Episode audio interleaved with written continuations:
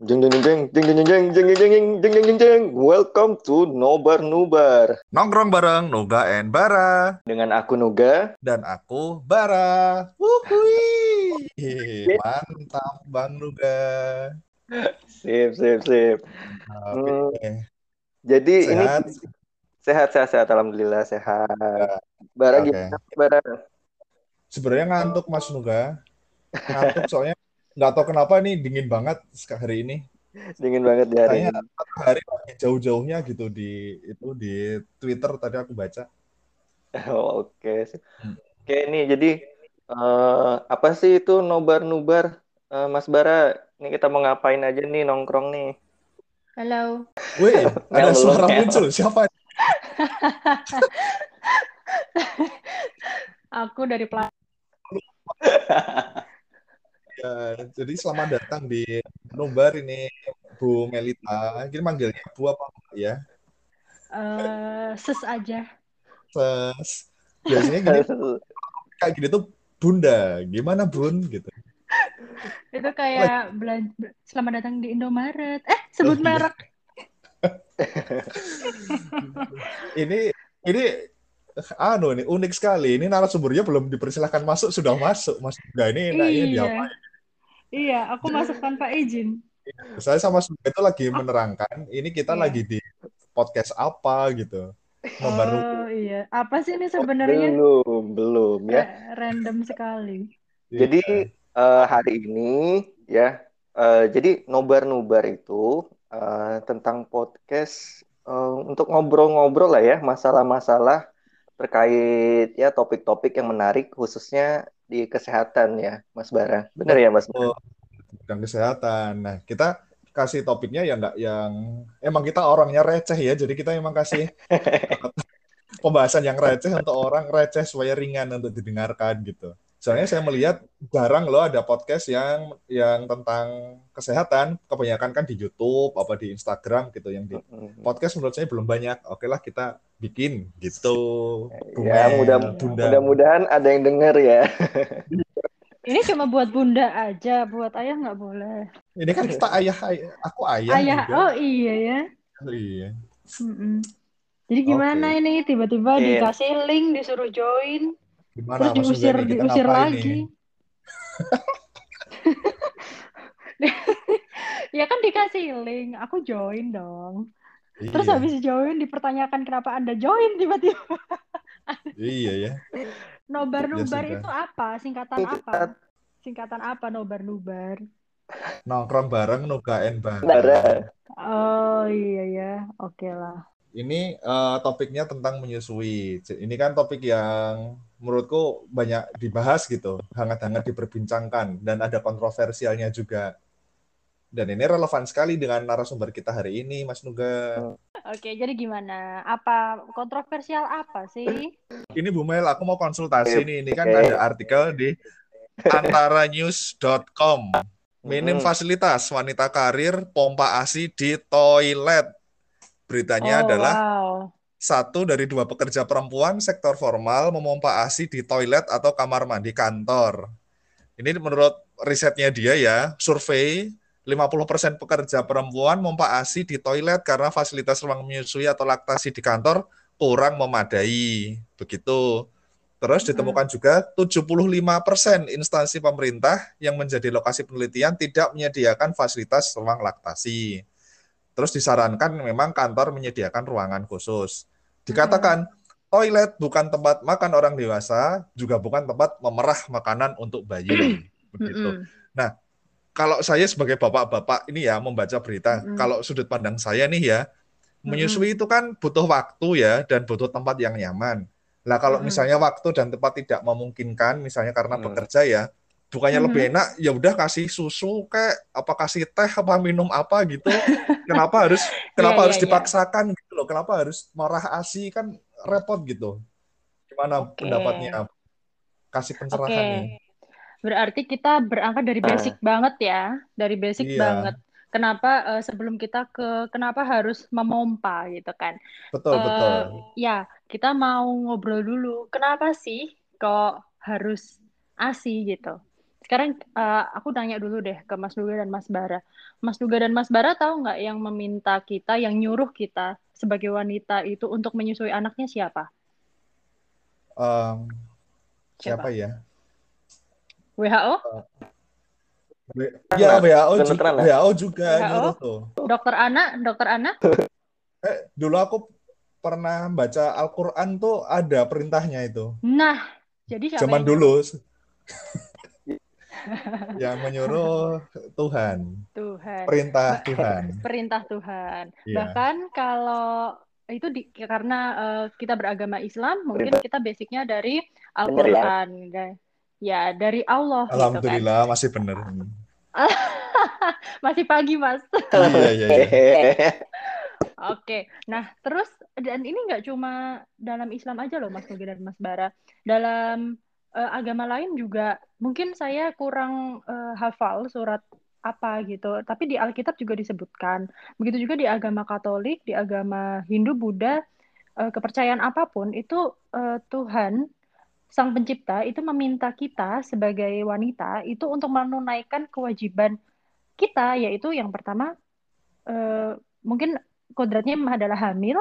Kemudian setelah kita hamil itu ya artinya kita harus ready gitu untuk menyusui anaknya. Apabila kita tidak menyusui anak, kita sebagai wanita udah punya udah hamil, udah dikasih hamil, dikasih anugerah seorang anak, udah lahir sehat gitu ya. Terus tidak menyusui anak kita, itu kita zolim. Nah, itu dulu yang pertama nih. Oh, okay. jadi memang perintah Tuhan ya, memang secara perintah Tuhan. ya. Hmm. Ini sangat basic, sangat basic yang benar, uh, benar, ini ya. akan uh. jadi landasan kita gitu kan. Jadi uh, banyak banget manfaat dari menyusui baik uh, untuk ibu dan juga untuk baby gitu. Uh, mungkin ibu-ibu, bunda-bunda mendengar ada istilah IMD, ya, inisiasi ya, ya. menyusui dini yang harus dilakukan uh, secepat mungkin, sesegera mungkin setelah bayi tersebut lahir, ditempel di dada ibu. Uh, mungkin kita bicara untuk bayinya dulu ya. Oke, okay, uh, okay.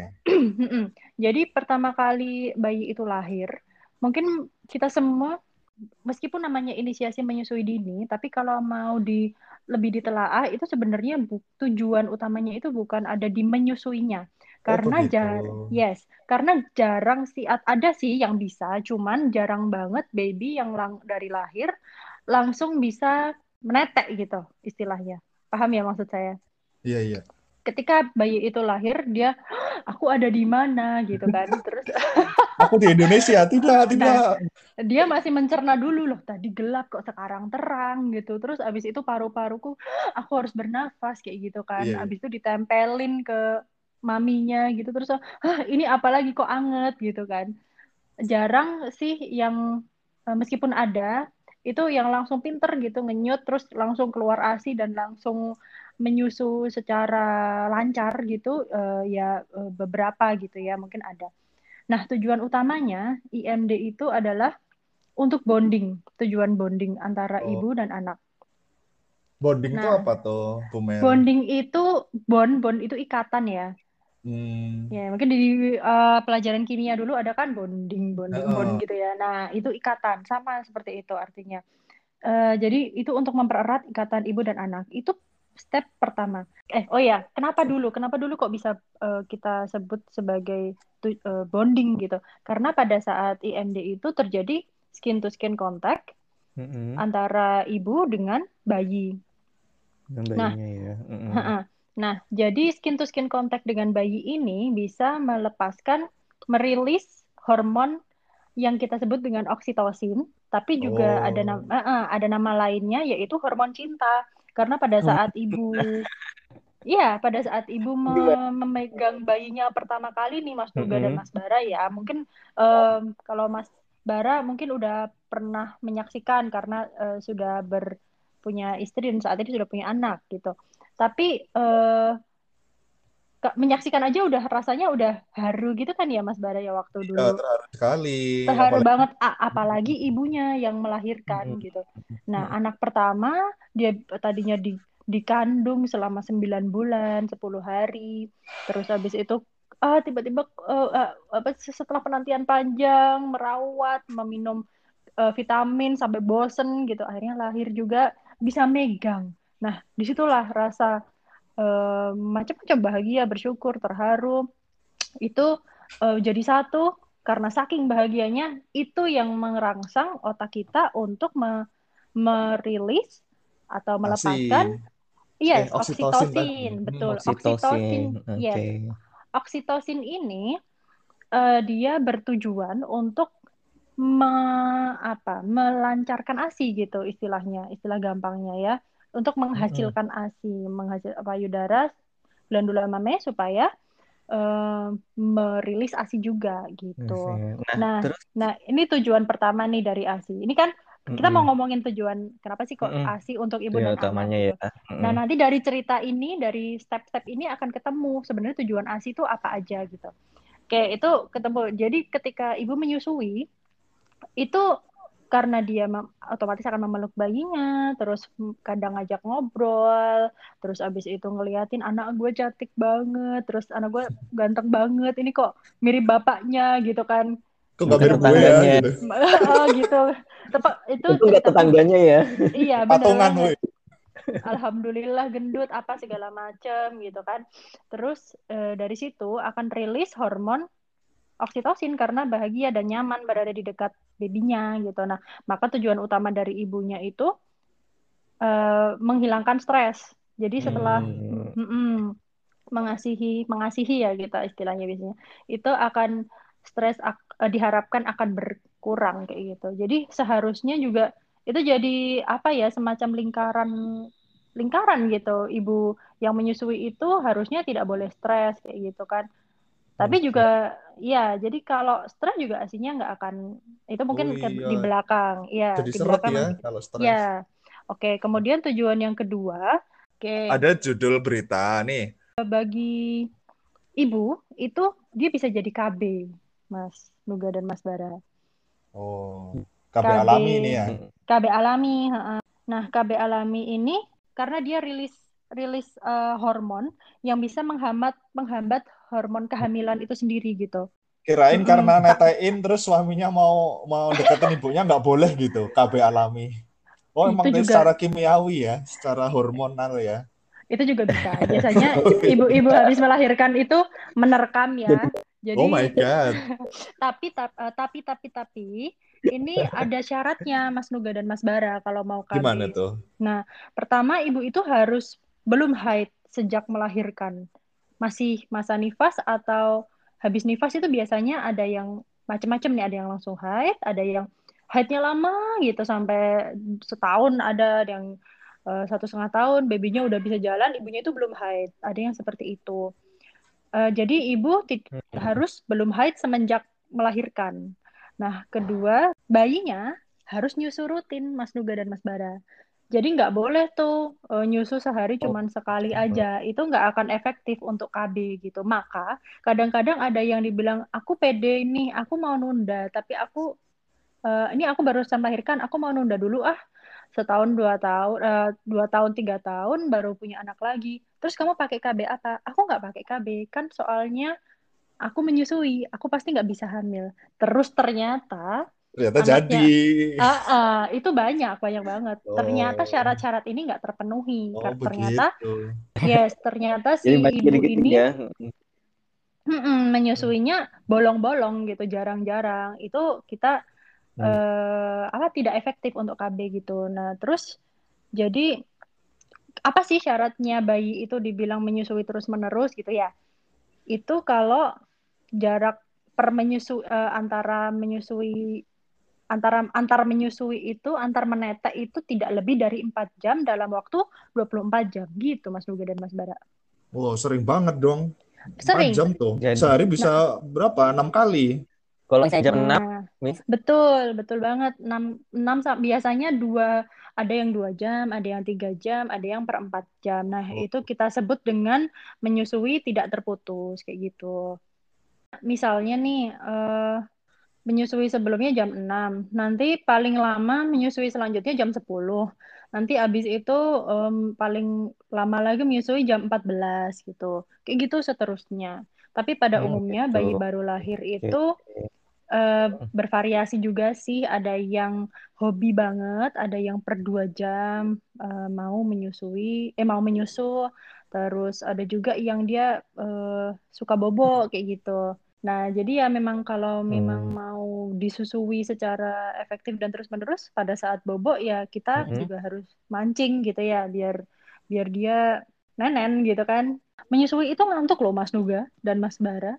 Karena pada saat menyusui kita rilis hormon oksitosin itu tadi. Jadi itu bikin relax dan memang dan seharusnya ibu menyusui itu tidak stres itu tadi. Tapi kebanyakan ba- happy, iya, Bikin lapar juga kayaknya, Bu Mel. bikin Kayaknya lapar. Betul. istri aku bisa makan nasi padang sehari bisa dua kali gitu. Iya, karena memang rilis kalori juga Oh eh, iya, membutuhkan betul-betul. kalori juga pada Emang saat kalorinya lebih tinggi. lebih tinggi dan biasanya berat badannya eh, seharusnya akan turun ya pada saat menyusui itu. Maksudnya dibandingkan pada saat hamil itu akan ada penurunan berat badan di situ karena Hmm. kalorinya juga kebuang gitu kan. Iya sih. Ka- kalau asupannya juga artinya normal gitu ya, bukan terus Betul, makan betul. sehari enam kali gitu. Nah, nanti mungkin Mantap. kita akan ngobrol soal itu di belakang. Ini kita Oke. gini Mas, Mas Nuga dan Mas Bara nih. Kita ngomongin ASI itu kita akan sangat banyak ngobrol karena ASI itu percaya nggak percaya itu agak-agak magical gitu loh. Kok bisa? Iya bener, Kok bisa agak magical. Ada mantranya berarti. Ya itu Iya tadi. dong. Ibaratnya ada orang yang nggak eh, banyak banget yang nggak percaya bahwa stres itu bisa memicu ASI macet kayak gitu. Saya Mm-mm. adalah seseorang konselor yang jarang banget merekomendasikan booster apa pun, merek apa pun. Tapi saya tidak Kenapa, pernah Mel? menunjuk satu produk sebagai booster yang terbaik seperti itu. Saya selalu bilang bahwa Hmm. makanan apa pun yang Anda suka, yang Ibu suka, itu adalah booster yang terbaik. Karena apa? Kalau Hmm. Ibu ini misalnya pakai produk A gitu ya, ibarat kita Mm-mm. eh, pakai produknya yang terbaik di seluruh dunia. Terus Mm-mm. abis itu dia harus minum itu misal tiga kali sehari. Udah Iya. gitu dia Mm. bosen. Abis itu aduh bosen banget. Dia minum itu sampai terpaksa, sampai kayak aduh pahit banget. Harus minum jus apa, harus nelan ramuan apa dari simbah-simbah, dari keraton, dari apa yang Mm-mm. katanya no, no- konon katanya bisa memperlancar ASI tapi ibu itu merasa depres gitu Mm-mm. itu booster seajaib apa pun tidak akan berjalan tidak akan mem- mempan Jadi Tapi memang ketika- harus hilang Mm-mm. rasa stresnya ya. iya nggak boleh nggak boleh stres tapi ketika nanti boosternya ibu apa itu dong? nah ketika ibu itu ibu pengen makan apa saya bilang gitu Eh, saya selalu nanya seperti itu siomay dok makanlah siomay Oh my Gitu. God, Somai booster Somai? ASI. Hah? bisa dibikin artikel ya Anda konselor laktasi sama konselor apa ini? Tapi betul atau tuh Bu mungkin iya benar karena karena ketika makan siomay ibu itu happy aku suka Oh, banget begitu. siomay kayak gitu Mungkin karena kan. kesenangannya siomay gitu iya ya. benar banget Hmm. atau ibu pengen makan apa saya sukanya anu dok sate padang katanya makanlah sate padang nggak apa-apa maksudnya eh, jangan em, apa ya jangan membatasi diri kita sendiri gitu Mm. Hmm. karena kadang kebanyakan ibu-ibu menyusui ini dan hamil ya, kita Mm-mm. bicara soal ibu hamil dan menyusui ini terlalu banyak dijudge dan dibatasi gitu loh Mas Nuga dan Banyak Mas Sampai- gitu ya. Betul, apalagi mbah-mbah nyuruhnya harus makan sayur itu. Betul. Apalagi neneknya yang nyuruh biasanya. Ya, sebetulnya mereka ini baik-baik saja, tetapi karena ada intervensi dari pihak luar, itu yang Hmm. membuat mereka merasa tidak baik-baik saja. Akhirnya Hmm. terjadi apa? Baby blues, ada Iya, stres dan lain-lain. Itu sebenarnya kebanyakan dari uh, pressure Mm-mm. pihak luar gitu. Jadi memang di sinilah peran konselor laktasi untuk memanage memo, uh, emosi secara psikologis Emosinya, juga dan mem- me- apa ya memfasilitasi mereka untuk mengutarakan unek-unek kayak gitu. Banyak loh yang datang cuman pengen nanya, "Dok, saya itu boleh makan batagor nggak sih?" kayak gitu. Oh gitu. Karena Cuma- kata cuma mertua tanya saya, gitu ya. Iya. Iya, karena kata mertua saya, saya itu nggak boleh menyusui dok, nggak boleh makan yang mengandung ikan. Kalau Hmm. makan yang mengandung ikan, asi saya jadi amis. Nanti kalau asinya amis, bayinya jadi nggak doyan. Itu banyak. Iya, iya Banyak ada yang kayak gitu. Heeh. Iya, dan banyak hal lain lagi yang semacam itu. Padahal kita tahu sendiri ikan itu mengandung banyak apa? Protein dong. Yes, benar banget. Dan protein itu uh, sangat diperlukan untuk yang pertama ibu uh, untuk pemulihan luka pasca operasi, luka pasca perineorafi atau apa jahitan di vagina itu ya di perineum. Mm -mm. Terus Mm -mm. juga untuk imunitas ibu dan juga dia akan sebagian dikirim ke ASI untuk dikonsumsi sama si baby gitu kan ya. Oke, Nah, jadi itu kan mitos yang sangat sangat salah gitu loh.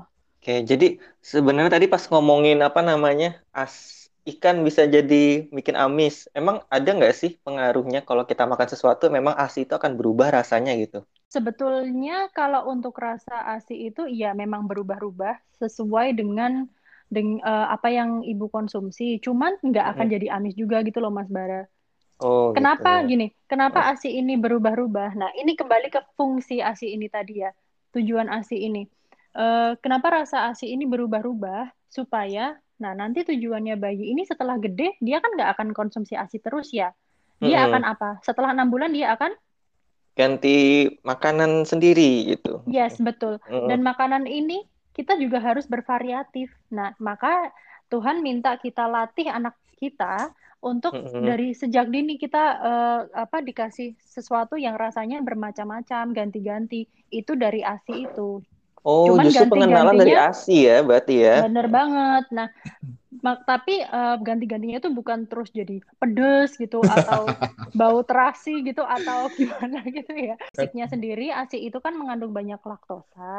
Jadi Mm-mm. dia manis, basicnya manis, tapi Dia karena manis ada ya. beberapa ya ada beberapa hal dari yang kita konsumsi itu jadi mempengaruhi sedikit rasa pada ASI. Dan yang pasti sih yang kita butuhkan adalah kandungan-kandungan ASI itu harus bagus gitu. Jadi ASI kan basicnya kandungannya nah kita eh, support dengan kandungan yang lain dari apa yang ibu konsumsi gitu ceritanya. Iya, ini tugasnya Nah, suami nih harusnya nih ngasih makan istri yang iya bener banget. Jadi harus memang kerjasama saya. gitu. Yang merasa suami. Nah, lanjut lagi Mas Nuga dan Mas Bara ke Oke. eh, tadi sudah eh, mungkin udah ketangkap ya tujuan dikasih ASI dari kita Betul, cerita itu. betul. Jadi nggak nggak ternyata. iya nggak cuman poin-poin-poin aja gitu. Jadi dari cerita kita bisa ambil nih oh ternyata tujuan ASI itu. Nah, sekarang eh, untuk bayi itu tujuan ASI itu barusan kita barusan aja ngobrolin tentang kandungan di ASI. Nah, Mm-mm. kandungan di ASI Iya. itu kan kalau dari referensi yang saya baca itu selama 72 jam. Dia meskipun tidak dimasukkan minum apa pun Mm-mm. itu masih oke gitu. Tiga Em, hari berarti ya, tujuh tiga dua jam hari, ya. Mm-mm. tiga hari. Cuman eh apa ya? Mungkin kadang ibu panik juga kan karena bayi pasti rewel seperti itu. Ya Mm-mm. mungkin ada feel haus, lapar seperti itu. Cuman kalau untuk eh, physically sendiri, eh, it's fine. Terpaksa Oke. menggunakan susu formula atau kita cari ASI donor ya, katanya bisa cari donor dari orang lain. Ya Itu oke. lebih Pada baik yang mana gitu. Mm-mm. pada prinsipnya dari Tuhan ya, ciptaan. Tuhan siapa sih yang mau meragukan? Ya enggak. Dibanding dengan tadi, ini nyambung ke pertanyaannya Mas Bara. Kenapa sih kok nggak disufor aja gitu? Sedangkan sufor itu buatan manusia. Ini gampangannya dulu kayak gitu. Mm-mm. Kita mau bandingin buatan manusia sama buatan Tuhan. Siapa yang berani bandingin? Ibaratnya seperti itu. Nah, kemudian apa aja nih uh, kandungan yang ada di ASI gitu. Kandungan yang ada di ASI ya macam-macam. Yang pertama yang pasti ada uh, high protein ya. High Mm-mm. protein tetapi protein yang mudah dicerna sama bayi. Gitu. Ini pertama dulu Iya. kita pegang bahwa kandungan di ASI itu sangat mudah dicerna sama bayi.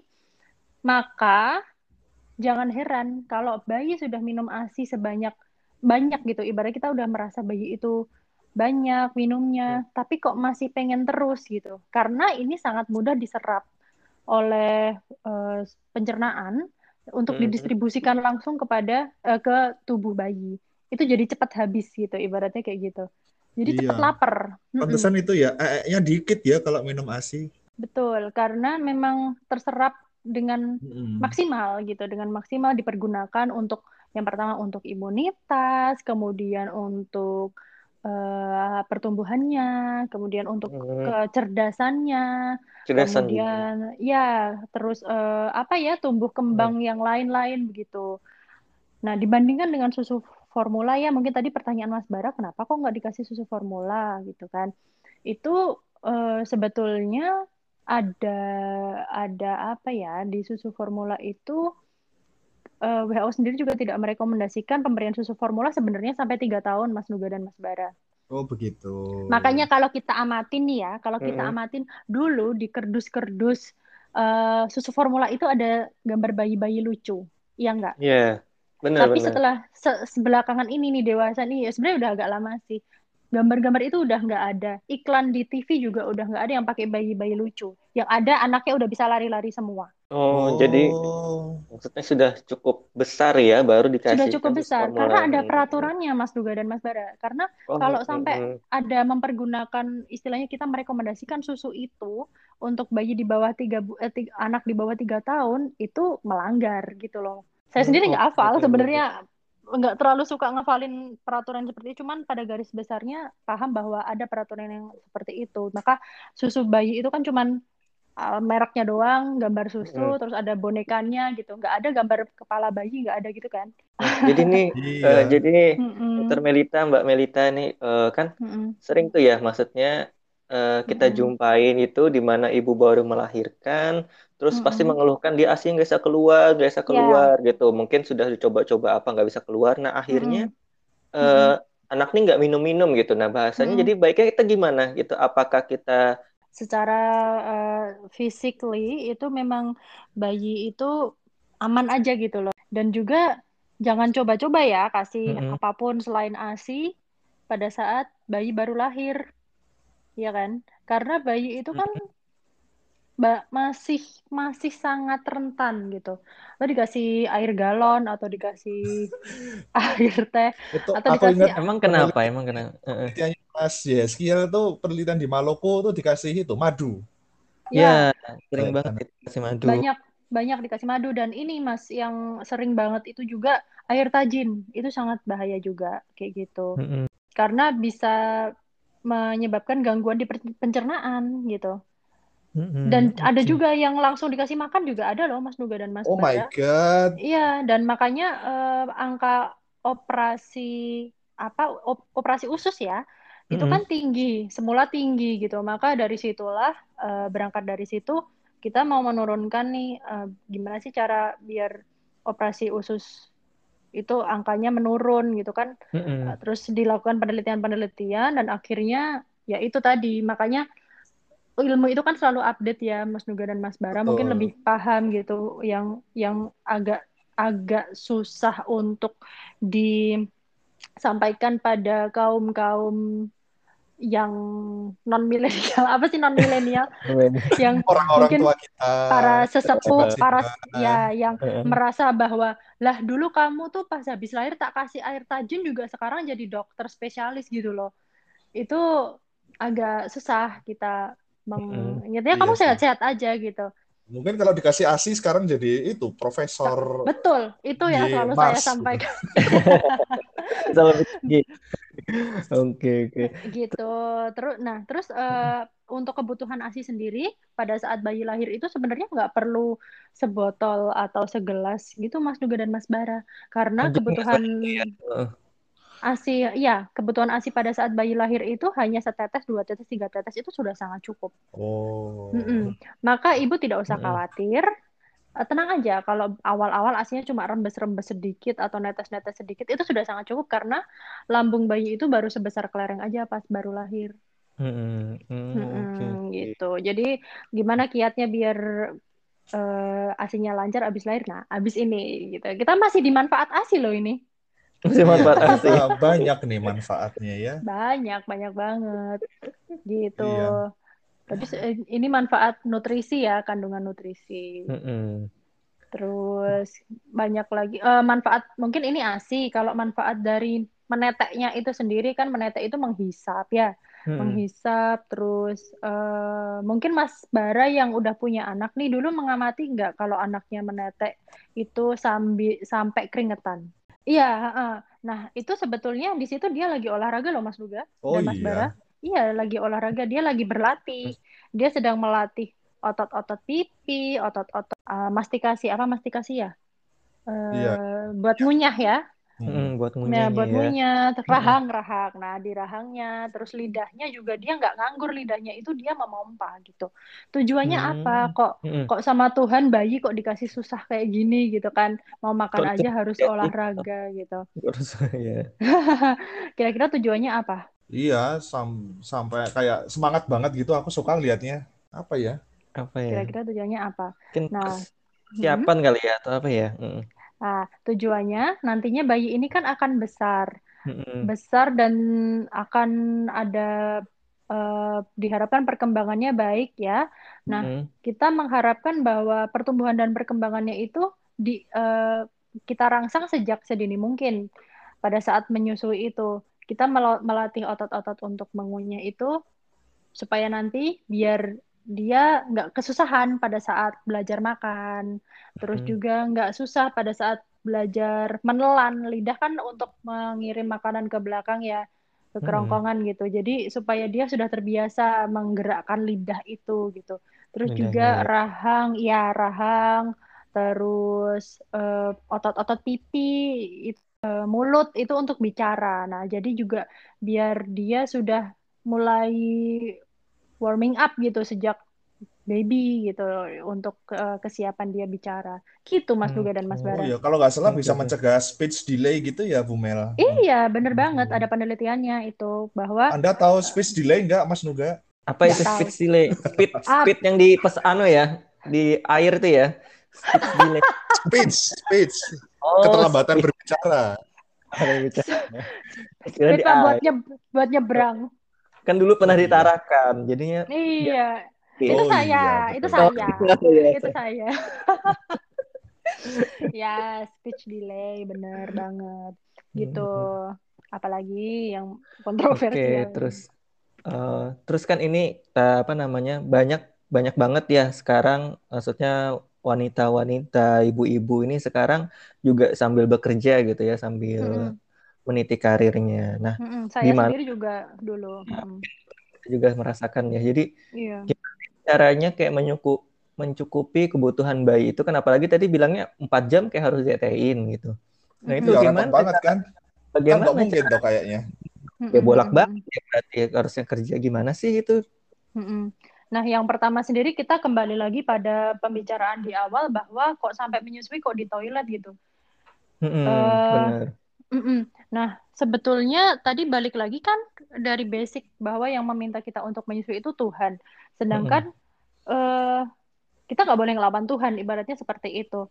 Nah, Mm-mm. kalau ada nih orang yang menghalangi kita untuk melaksanakan perintah Tuhan, berarti dia juga zalim. Ya nggak? Gitu. Berat, menyusui. Tapi anaknya berarti Mm-mm. di bawah juga atau gimana itu Mbak Mel? Boleh. Jadi eh, boleh untuk pumping, untuk menyusui gitu. Mm-mm. Kita boleh minta kok sebenarnya anaknya kalau memungkinkan tempat Mm-mm. kerjanya dekat dan aman, mungkin nggak sedang Mm-mm. pandemi seperti ini ya. Itu Mm-mm. boleh disusulkan kalau memang Mm. bisa bekerja sama dengan keluarga di rumah pada saat jam-jam menyusui. Itu Menyusui. Oke. bisa bisa misalkan rumah misalnya eh, tempat kerjanya cuma lima langkah dari rumah misalnya kayak gitu atau eh, deket aja cep sebentar aja gitu dan ada kendaraan dan aman dan lain sebagainya semuanya memungkinkan boleh banget seharusnya itu Seharusnya. diizinkan diizinkan oleh eh, pihak perusahaan. Nah, Hmm, terus balik lagi oke. sama bilik menyusui ini, Mas Nuga. Kalau Mm-mm. memang di tempat kita nggak ada bilik Mm-mm. menyusui dan kita merasa sangat-sangat kesusahan untuk, nah, Mm-mm. maka dibuatlah peraturan karena kita ketuhanan yang Maha Esa ya, kita kembali lagi pada Tuhan. Nah, maka dibuatlah peraturan supaya manu- eh, kita sebagai ibu itu mendapatkan bisa memperjuangkan hak kita dan juga sang anak ini juga mendapatkan hak dia untuk di di apa diberikan ASI gitu. Maka setiap tempat kerja itu harusnya disediakan eh, ASI apa apa namanya bilik menyusui. Kita boleh minta, boleh banget minta ke atasan kita. Oh, Seharusnya minta, itu di biliknya gitu ya. Mm-mm. Entah itu bilik itu sebenarnya nggak harus sebuah bangunan kan ya. Biasanya Mm-mm. bisa ada berupa kayak mungkin kayak apa ya gorden gitu kan atau kain atau triplek kayak gitu. Yang penting tertutup dan aman gitu. Bisa boleh Oke. banget untuk minta. Dan kalau memang kita udah minta terus nggak dika- di- dikasih atau mungkin malah dipecat atau gimana atau mendapatkan perlakuan yang kita tidak harapkan, kita bisa lapor loh. Karena itu Hmm. ada ada basicnya, ada undang-undangnya seperti itu. Oh iya, ada peraturannya ya. Ada Harusnya peraturannya. Ada ada peraturannya, ya. gitu. Mm-mm, Jadi kita harusnya itu hak hak sebagai Hak. eh, pekerja ya gitu ya. Iya, betul. Hak sebagai sama halnya dengan cuti melahirkan, cuti hamil dan melahirkan. Itu Hmm. juga kan eh, mungkin Oke. eh, harus diperjuangkan juga gitu. Hmm. Nah, kenapa kok harus repot? Tadi pertanyaan gimana sih? Kok gue jadi lupa. Nah, terus mungkin kayak gini Mbak Mel, kalau misalnya terus ini nih anaknya nggak bisa nih dibawa ke kantor ya nggak mungkin Mm-mm, gitu bahasanya kan mm-mm, mm-mm. eh, mungkin akan mengganggu apalagi bakal sering rewel atau gimana. Ya, Terus betul. jadinya sering-sering sering sekali gitu kita lihat itu eh, dipompa untuk ditaruh di rumah gitu. Nah, itu Yes. gimana itu gimana eh, tanggapannya Dokter Melita? Oh, kalau memompa itu hukumnya fardu ain ya. Fardu ain. Fardu ain itu gimana ya? Tuh.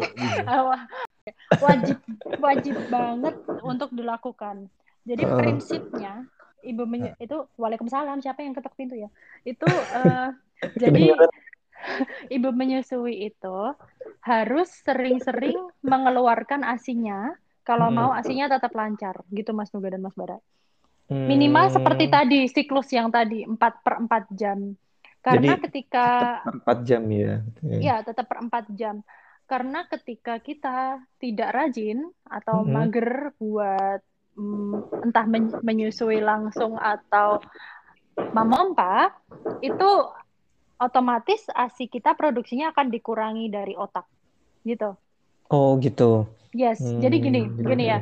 Prinsipnya adalah ASI itu akan dihasilkan oleh tubuh kita sesuai kebutuhan si baby. Mm-mm. Nah, tapi kan, eh, jadi misalkan gini deh, eh, anakku Jena itu menyusu setiap misalnya 4 jam. Terus setiap menyusu itu katakanlah gampangannya 50, ah, 100 gitu ya, 100. Nah, ketika eh, kita sudah rutin untuk mengeluarkan atau menyusu, ketika aku rutin menyusui Jena selama 4 jam, masing-masing jam 100, 100, 100, otak itu lama-lama hafal, ya kan? Hafal Mm-mm. bahwa setiap 4 jam kita harus rilis ASI sebesar 100 cc gitu. Nah, maka eh, kayak gitu terus. Nanti Jena gede, eh, kebutuhannya nambah, ya nggak usah khawatir. Misalnya jadi 150, otak juga akan mengikuti, hormonnya juga akan mengikuti, tubuh kita mengikuti produksi 150.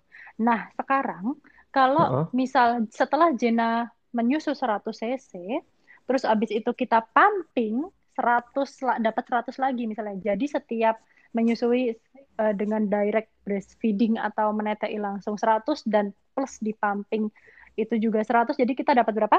200 ya. 200 200. banyak. Ya, 200. Terus setiap kayak gitu terus setiap 4 jam Mm-mm. maka produksinya akan bertambah apa berkurang? Bertambah tuh otaknya kan Bertambah dia berarti ya. Mm-mm. pertumbuhannya Benar. Kayak 200. Nah, kayak gitu.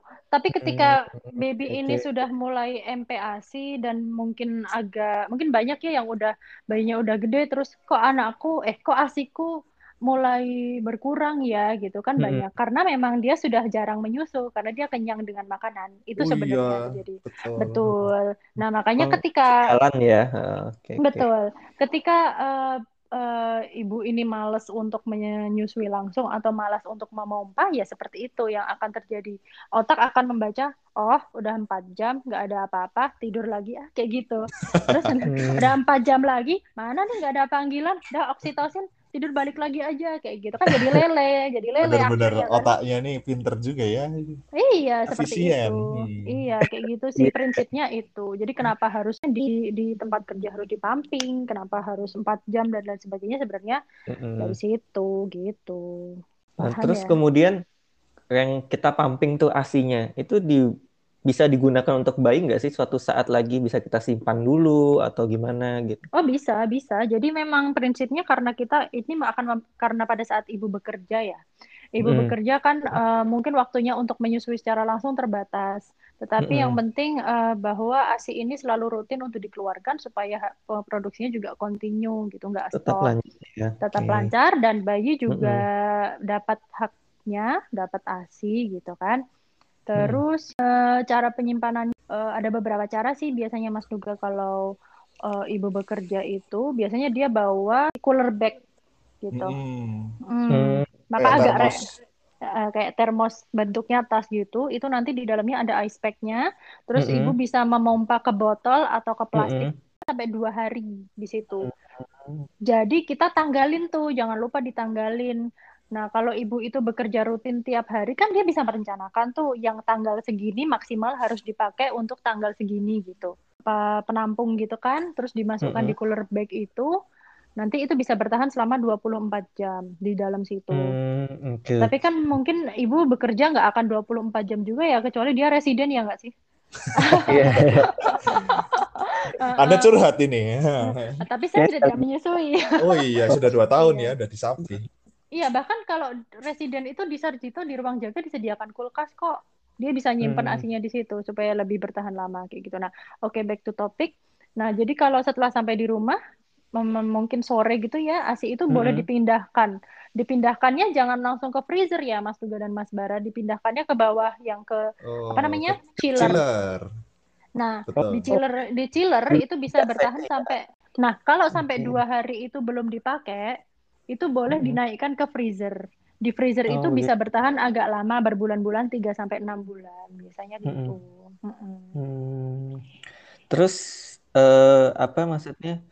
Kalau memberikan ke bayinya gitu, misalnya kan habis dimasuki cooler bag, itu Ya. langsung aja diminumkan ke bayinya atau kayak ada dipanas-panasin dulu atau apa kan tak lihat kayak banyak banget ya sekarang alat-alat peman- memanasin ASI, manasin ASI gitu. Itu gimana Ya. sih pakainya gitu? Iya, bener banget.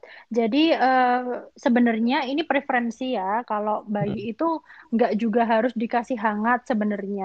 Jadi bisa Oh. aja loh ada bayi yang suka es susu, Oh iya, SAC ya, seru ada. banget ya. Iya, ada yang sukanya dalam bentuk beku itu dia cemilin juga ada. Ada yang sukanya Oh eh, di gitu. Iya, kayak ASI gitu. Froyo. Mm-mm. Mm-mm. Bayi kan manusia, dia juga punya apa punya taste gitu loh. Dia suka eh, punya kesukaan masing-masing. Ada yang suka anget, ada yang suka dingin, ada yang suka es gitu. Nah, tapi kalau misal mau dihangatkan, prinsipnya kita jangan langsung dari freezer langsung dipanasin dan tidak Hmm, boleh jadi- air mendidih gitu. Oh gitu. Mm-mm, jadi gini, kalau misalnya nih dari freezer ya, dari freezer kita turunkan dulu ke chiller. Da- tapi kan biasanya eh, kalau dari freezer ke chiller itu agak lama ya mencairnya. Misal Mm-mm, ini udah di ini udah diprogram nih ada ASI di freezer yang besok mau aku kasih untuk anakku. Jadi keluarnya dari sehari sebelumnya lah paling enggak. Sehari sebelumnya ya. Ya, supaya banget dia ya. Mm. men- mencair dulu. Nah, setelah Heeh. mencair di chiller itu kita keluarkan, kita aliri dulu air keran gitu, Mas Nuga. Oh, oke oke. Nah, dialiri dulu air keran sampai suhunya berubah jadi suhu ruang. Nah, setelah Mm-mm. itu baru kita taruh di boleh mungkin kalau ada ASI warmer ya, itu boleh dikasih di situ atau eh, dikasih di ini biasanya kalau aku lagi nggak bawa ASI warmer itu dulu aku kasih di cangkir, terus aku isiin air hangat ya, air hangat jangan air mendidih ya, air kira-kira suhunya itu 40 derajat lah, 30-40 derajat, anget-anget gitu, dicemplungin gitu. Terus ditutup, terus Hmm, dicek udah anget belum. Kalau misalnya airnya karena ada transfer apa gitu ya. Konveksi. panas, heeh, bener. Mm-mm. Itu biasanya airnya jadi ikut dingin kan. Kita ganti airnya yang anget lagi gitu sampai di, eh, didapatkan suhu ASI yang dimau. Baru setelah itu dikasihkan. Ngasihnya pakai apa? Pakai apa? Pakai pakai dot nggak boleh? Pakai. Nah. botol. Ini udah favorit banget kayaknya kalau di Indonesia agak susah untuk dihilangkan. Oh. Tapi sebenarnya WHO sendiri juga nggak memperbolehkan. praktis. Ya, sangat praktis memang, tapi WHO sendiri tidak merekomendasikan pemberian ASI perah menggunakan dot sampai sampai ada sampainya Heeh. bayi siap atau pinter meneteknya gitu. Nah, jadi pakai apa ngasihnya Pakai bisa kita bisa pakai media lain seperti cup feeder. Mungkin bisa dicari Mm-mm. di di di online shop itu banyak kok dan itu nggak mahal. Atau gelas loki gitu, gelas kecil itu loh Mas Nuga dan Mas Bara. Gelas kecil gitu. Oh. Kalau cup feeder itu kalau cup feeder itu agak lebih gampang karena ada kayak moncongnya gitu. Jadi lebih enak dikasihnya ke bayi kayak teko gitu. Apa sih? Gelasnya Coba sambil sih? Tak sambil cari ya. Ya, Cup cup feeder. Cup, cup ah, feeder ya tulisannya gimana ya? cup feeder, fit fit makan ya. Mungkin kayak sendok ya sebenarnya ya. Ada juga yang Oh. bentuknya kayak sendok, betul. Yang sendok Hmm. silikon itu boleh. Terus Hmm, spet, hmm, hmm. spet, spet juga sendok boleh. ya. Heeh. Ya, ya, ya. Cup eh, apa namanya? Sendok juga boleh atau spet. Tapi kalau spet itu mungkin agak susah karena kita nggak bisa kadang semburannya tuh terlalu kenceng gitu kayak kayak iklan Oh, pipa ya gue ya. eh iklan pompa kayak gitu. Iya. Oh. Nah, sekarang kenapa kok nggak boleh ngedot gitu kan? Ya nggak. Aku Pertanyaan selanjutnya jadi itu nggak? aku Iya. tahu, soalnya nanti Kenapa? bi- bikin bingung puting. Nah, kenapa kok bisa bingung puting? Soalnya kalau nyedot di botol sekali sedot keluar, kalau ditetek kan Betul. harus olahraga dulu, nyot, kenyot, Nice. kenyot, baru keluar. Pinter Berarti banget ya. Ngedot. Lulus. Pak. Kenapa? Berarti Anda pernah ngedot, Pak Bara? Oh, zaman dulu, waktu Oh, bayi, dulu. Ma- Oh. masih ingat saya. Ya, rasanya. Iya. Gimana ya? Iya bener banget. Soalnya kalau dot itu gampang di di di apa namanya di apa dibalik aja dia netes kan. Kalau kalau ASI kan harus ada effort dari sang bayi yang tujuannya bla bla bla dia tadi kita udah cerita gitu kan. Nah, maka kalau bayi belum siap, maksudnya ibarat kita lagi belajar nyetir kan bagusnya pakai manual tuh. Kalau udah Hmm. jago manual baru dikasih metik kayak gitu. Oh iya. Kena sebenarnya sih ini dot itu nggak direkomendasikan di usia berapapun. Apa pun itu mesti yang Hmm. yang kayak eh, kem- apa sih empeng ya? Empeng itu juga tidak direkomendasikan karena hal-hal ini dot dan empeng ini akan menimbulkan ketergantungan pada bayi gitu.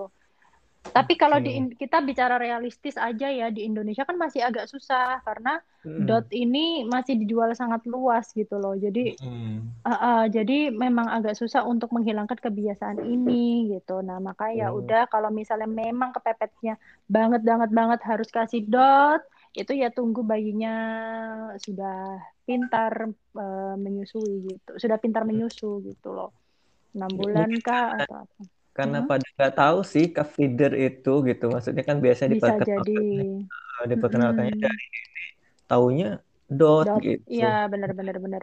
Oh iya Mas juga jadi jadi ingat tadi aku belum menjawab pertanyaan yang soal donor ya. Iya, donor donor Nah, jadi kalau ya? memang Mm-mm. ya, jadi memang step pertama yang diharapkan setelah bayi lahir itu kan disusui secara langsung oleh ibunya sendiri. Semua orang pasti Benar. berharap seperti itu.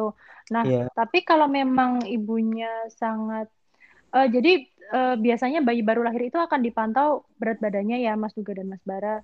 Lahir Mm-mm. misalnya 3 kilo gitu, terus kita lihat dua hari ke depan, tiga hari ke depan, tidak boleh penurunan berat badannya itu lebih dari 10%. Mm, 10% Jadi kalau dari dari berat berat badan Berat lahir. lahir. Iya. lahir. Karena bayi baru lahir pasti akan turun kan berat badannya. Tapi kalau sudah lebih dari 10% itu artinya sudah warning sign. Kita harus memberikan tambahan asupan. Artinya dia asupannya sangat kurang gitu. Nah, asupan pertama mungkin kita masih bisa upayakan ASI. Kalau masih memungkinkan kita pakai ASI kita sendiri, misalnya kita upaya pumping atau pijat oksitosin atau apa lain-lain gitu, pe- perbanyak minum gitu. Kalau masih mungkin boleh kita berikan ASI kita sendiri. Cuman kalau eh, itu hal-hal itu tidak memungkinkan, Mm-mm. bisa kita cari ASI dari orang lain atau yang kita sebut dengan donor ASI gitu. Nah, itu tadi syaratnya kalau bayi sudah apa? Ada tanda-tanda penurunan berat badan lebih dari 10% dari berat lahir. Gitu. Jadi untuk donor ASI eh kalau untuk ke apa namanya bantuan eh, untuk nutrisinya memang eh, nggak ada opsi susu formula ya, Mas Duga ya. Jadi Iya. Oh, memang ASI donor dulu. Kalau memang nggak nemu, baru formula gitu ya. Pilihan Ya. terakhir ya, Bu Melia. Pilihan jadi apa ya? Biasanya eh, ASI donor itu kita bisa minta banyak gitu. Eh, maksudnya tidak hanya satu. Sa- misalnya kita pakai selama beberapa hari. Nah, tapi selama beberapa hari si bayi ini minum ASI donor, kita sebagai ibunya nggak boleh nganggur. Ah, udah ada ASI donor ya Oh udahlah gue. iya. Nah, kita harus mengupayakan bagaimana caranya Hmm, kita masa iya iya anaknya malah dikasih ASI dari orang lain tanpa kita berusaha sendiri gitu ya. Tapi kita ini bicara dengan ibu yang ada masih possible gitu untuk memberikan ASINya ya, bukan ibu yang sakit atau ibu yang di ICU atau ibu-ibu yang eh, tidak sangat tidak mampu karena ada keterbatasan gitu kan. Kita bicara Mm-mm. dengan ibu yang normal, sehat, sebenarnya bisa, cuman dia ASINya belum lancar aja gitu. Itu seperti itu alurnya gitu. Oke, sip. Ini kayaknya udah sampai sejam nih kita nggak kerasa ngomongin ASI kayaknya Iya, Iya. seru sekali. Ini Gimana? kayaknya materinya masih banyak ini dari Bu Mel sebenarnya. Iya, Berapa maka saya SKS kalau lagi? kalau sama klien sama pasien itu nggak pernah cukup sejam Mas Nuga dan Mas Bara. Oh, Mereka gitu. setelah mereka konsul sebenarnya poinnya cuma bayiku bingung puting nggak mau nenen tapi bisa jadi banyak cabang. Oh, yang Jangan nanti ya. tiba-tiba cerita mertuanya, tiba-tiba cerita tetangganya, tiba-tiba cerita temennya, kayak gitu. Jadi memang kalau mau dirunut masalah dari ibu menyusui ini nggak cuma satu poin aja gitu loh. Ada ada sumber-sumber lain yang bikin ASI, misalnya ASIku macet itu nggak cuman kita kita harus kupas nih kayak bawang. Jadi ada core-nya gitu loh. ASI, asinya macet itu hanya kulit luarnya saja, tapi sebenarnya penyebab dari asinya macet itu macam-macam. Karena bing- ah, bingung puting, bingung putingnya kenapa? Karena dikasih dot, dikasih dotnya kenapa? Karena mertuanya yang suruh. Mertuanya kenapa? Karena dia kasihan bayinya nangis terus di rumah Iya, nggak betul, tega. Kenapa kok eh, sampai ibunya stres? Karena dipisah sama ibunya, nggak boleh bobok sama ibunya karena dianggap kalau bobok sama ibunya selalu rewel dan lain sebagainya. Kayak gitu. Jadi ASI itu magical dan sangat luas, psikologis banget. Oke deh. Kalau gitu mungkin eh, sebelum kita akhiri, mungkin dari Mbak Mel ada mau Oke. pesan-pesan apa gitu buat ke para pendengar, buat para ibu-ibu yang saat ini berjuang menyusui Mm-mm. anak. Iya. Ya, oke. Bahwa ASI itu memang basicnya adalah perjuangan. Jadi jangan merasa putus asa. Kalau memang apa namanya eh, merasa eh, maksudnya selalu ada jalan gitu. Kalau memang merasa ada trouble, ada masalah, ada problem, itu selalu ada jalan keluarnya gitu. Dan dan Anda tidak sendiri karena setiap ibu menyusui itu punya cerita masing-masing. Kita nggak bisa samakan antara cerita saya dengan cerita eh, tetangga saya yang menyusui juga kita nggak bisa samakan seperti itu. Aku minum ini terus asiku lancar. Kita nggak- kadang nggak bisa terapkan pada diri kita persis seperti itu gitu loh. Karena Hmm. eh, apa namanya alurnya akan ak- beda-beda gitu. Ceritanya beda-beda setiap orang gitu. Maka yang pertama kita harus pahami diri kita sendiri gitu Mm-mm. supaya mm-mm. jadi jangan eh, kalau aku sih selalu gini pesan gini ibu ibu mantep aja. Nggak usah toleh kanan kiri. Luruskan kembali niat apa niatnya ibu itu untuk memberikan asi untuk si bayi. Untuk apa? Supaya nanti dia jadi anak cerdas tumbuh kembang baik soleh dan berbakti pada orang tua. Udah itu aja. Masalah tetangga anda bilang kok as kok eh, payudaramu kecil, kok asinya cuma rembes doang, kok nggak ngucur, kok nggak ini, diemin aja. Karena itu akan mengganggu kehidupan Anda gitu. Dia dia nggak ngaruh sama eh, tetangga ini cuma asal nyeplos, tapi ini akan sangat mengganggu keberlangsungan hidup si ibu dan si bayi ini. Maka kalau untuk ibu menyusui, tutup telinga, tutup mata, luruskan niat. Kalau ada problem, curhatlah ke tempat yang tepat. Ke dokter umum, atau ke Mhm. konselor laktasi kami ada untuk memfasilitasi dan juga ke spesialis anak kayak Oke, gitu. Bol- boleh di-share dong Mbak Melita di mana sih alamatnya Iya, klinik mau konsul ke Mbak. Mm-mm. Oke, untuk saat ini saya berpraktek di klinik Amalia 3 Muntilan, alamatnya di eh, Jalan M Yusuf. Mungkin kalau mau di searching ada di Google Google Maps. Oke.